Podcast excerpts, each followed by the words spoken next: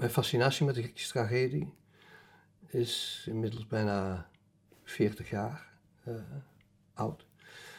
Uh, ik heb natuurlijk ook destijds uh, Grieks-Latijns gedaan, zoals dat heet. Dus een aantal van die dingen gaan er heel diep in als, als je jong bent.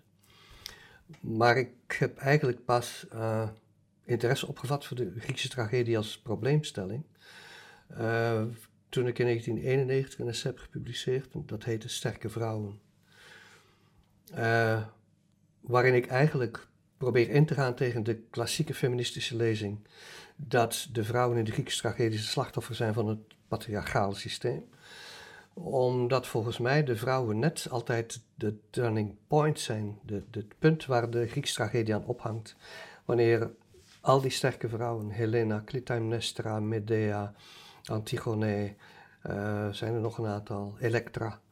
Wanneer die vrouwen nee zeggen tegen het lot dat de patriarchale samenleving hen oplegt, dan barst de bom. Dan stort die fallische orde, fallocratische orde ook in.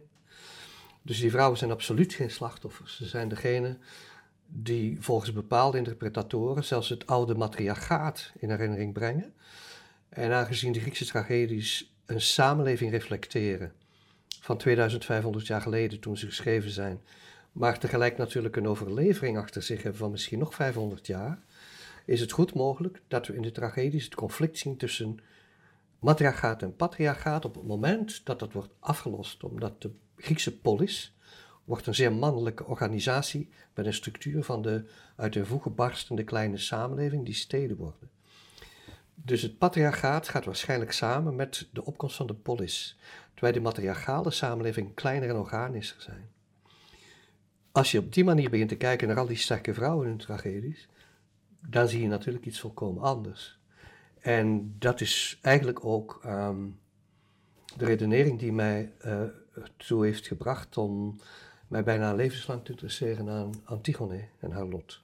Omdat ze eigenlijk wel een icoon is van dat soort conflict. En ik denk ook dat het conflict dat zich afspeelt tussen Antigone en de koning, wat er eigenlijk over gaat, dat um, waar moeten we beginnen om dat te schetsen? Uh, Oedipus heeft vier kinderen met zijn eigen moeder. Dus daar zit een vloek op, een doem van de goden. Die kinderen zullen ook verdoemd zijn, met andere woorden. Uh, die kinderen zijn enerzijds twee zonen, Etheo, Etheocles en Polyneikes, en anderzijds Antigone en Ismene.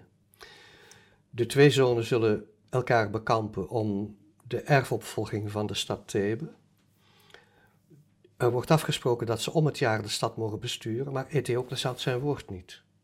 Waarna Polyneikes tegen de stad optrekt met een vreemd leger. Uh, ze doden elkaar. Eteocles zou volgens de koning die Oedipus inmiddels vervangt, moeten geëerd worden als een staatsheld.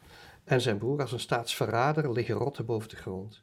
En daar begint het conflict. Antigone gaat tegen de koningin en zegt hij moet begraven worden. Hij is mijn broer. Daar zie je het conflict tussen twee vormen van interpretatie van de wet. Creon zegt nee, ik moet een, een, een voorbeeld stellen. Ik, ik moet onempathisch zijn. Ik mag niet empathisch zijn. Ik moet rationeel besturen. En Antigone zegt nee, ik beantwoord aan de oude wetten, aan de ongeschreven wetten, die zij in het Grieks noemt de agraptanomima. Uh, de ongeschreven wet van de empathie, van de compassie, van, van het menselijke. Dat conflict is natuurlijk niet alleen eeuwen oud, dat is ook bijzonder actueel. Als je kijkt naar de houding die, die burgers innemen tegenover de vluchtelingenproblematiek, dan zijn er mensen die zeggen we hebben de plicht om empathisch te zijn. Je hebt mensen die zeggen nee, nee, we moeten niet empathisch zijn, want dat is een structureel probleem. In die zin is de Antigone een eeuwig actueel probleem.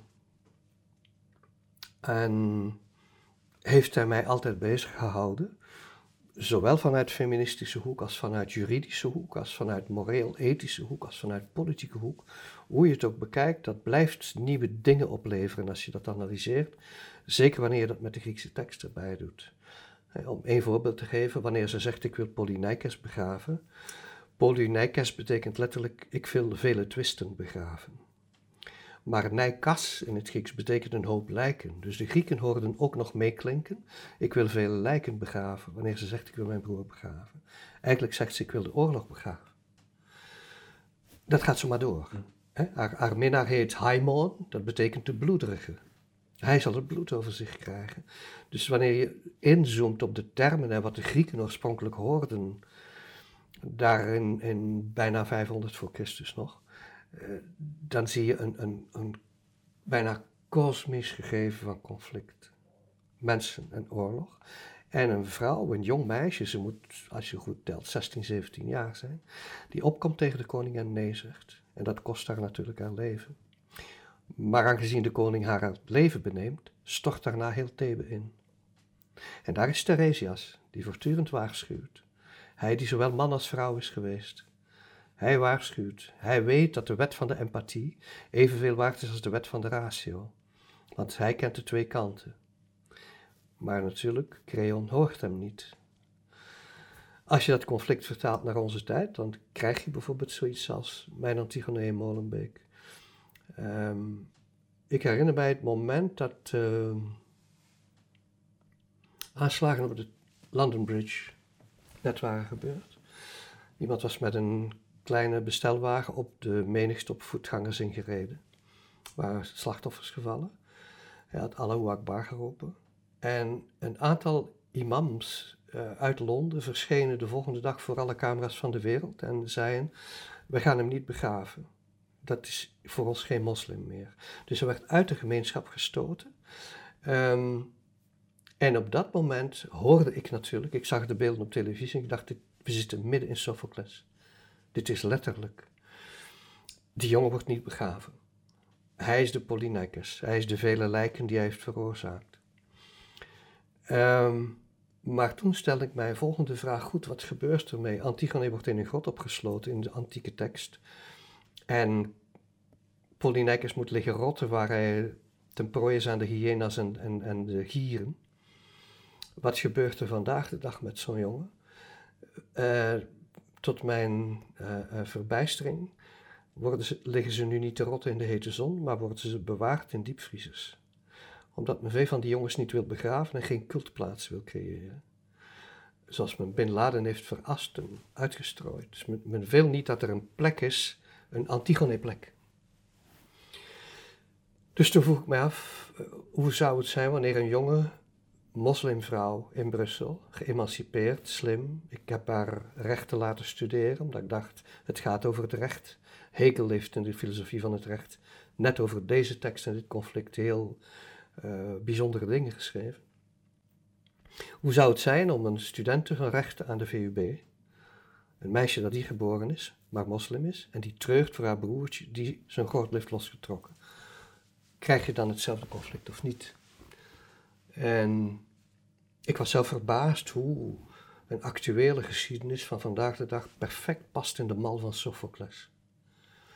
Eh, vandaar Antigone Molenbeek. Mijn theaterteksten zijn heel monologisch. Uh, ik deug niet voor het schrijven van dialoogjes. Dat, dat ligt mij niet.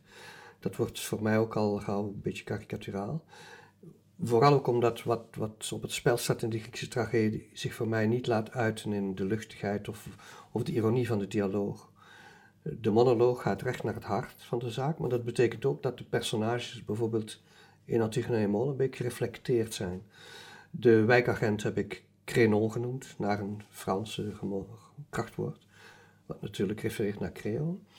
Hij is de patriarchale vaderlijke figuur, niet eens kil van hart, maar die ook de machteloosheid van de patriarchale structuur laat zien. Hij kan haar nu eenmaal niet helpen. Maar die stem komt niet rechtstreeks aan bod. Zij moet, de, de Antigone zelf moet dat uiteindelijk zeggen. Zij is dus helemaal alleen in haar universum van herinnering. Ik ben heel diep geraakt destijds door de gedachten van Hölderlin die de Antigone op merkwaardige wijze is vertaald. Uh, die eigenlijk stelde na zijn diepe studie van de Griekse tragedies, we komen eigenlijk altijd te laat voor de goden. Die idee dat je te laat komt op het moment dat het stuk begint, is voor mij van essentieel belang. Het is eigenlijk al te laat. Um, dat betekent dus ook dat het te laat is om je maar gemakkelijk in te leven met allerlei rollenspellen. Vandaar dat de, de bijna treurende stem, een beetje Walter Benjamin-achtige, onmogelijke herinnering aan het verleden, dat die wordt belichaamd door de Antigone en Antigone Molenbeek. Ik heb ehm, meer dan twintig jaar geleden al eens een lange Antigone-monoloog geschreven. Uh, als eerste deel van een toneelstuk dat heette Mind the Gap. Dat ging over het opletten voor het gat in de voet van Oedipus. Um, die het gat in de tragedie is, het gat in de moraal, het gat in de empathie, in, in, in de wet, in de beleving.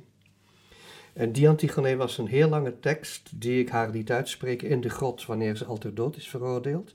En de grot is dichtgemaakt en waar ze uiteindelijk woorden spreekt die wij niet kunnen horen. Dat is voor mij wezenlijk, dat die tragedie dingen zegt die je eigenlijk niet kunt horen. Dit meisje zegt ook dingen die niet gehoord zullen worden.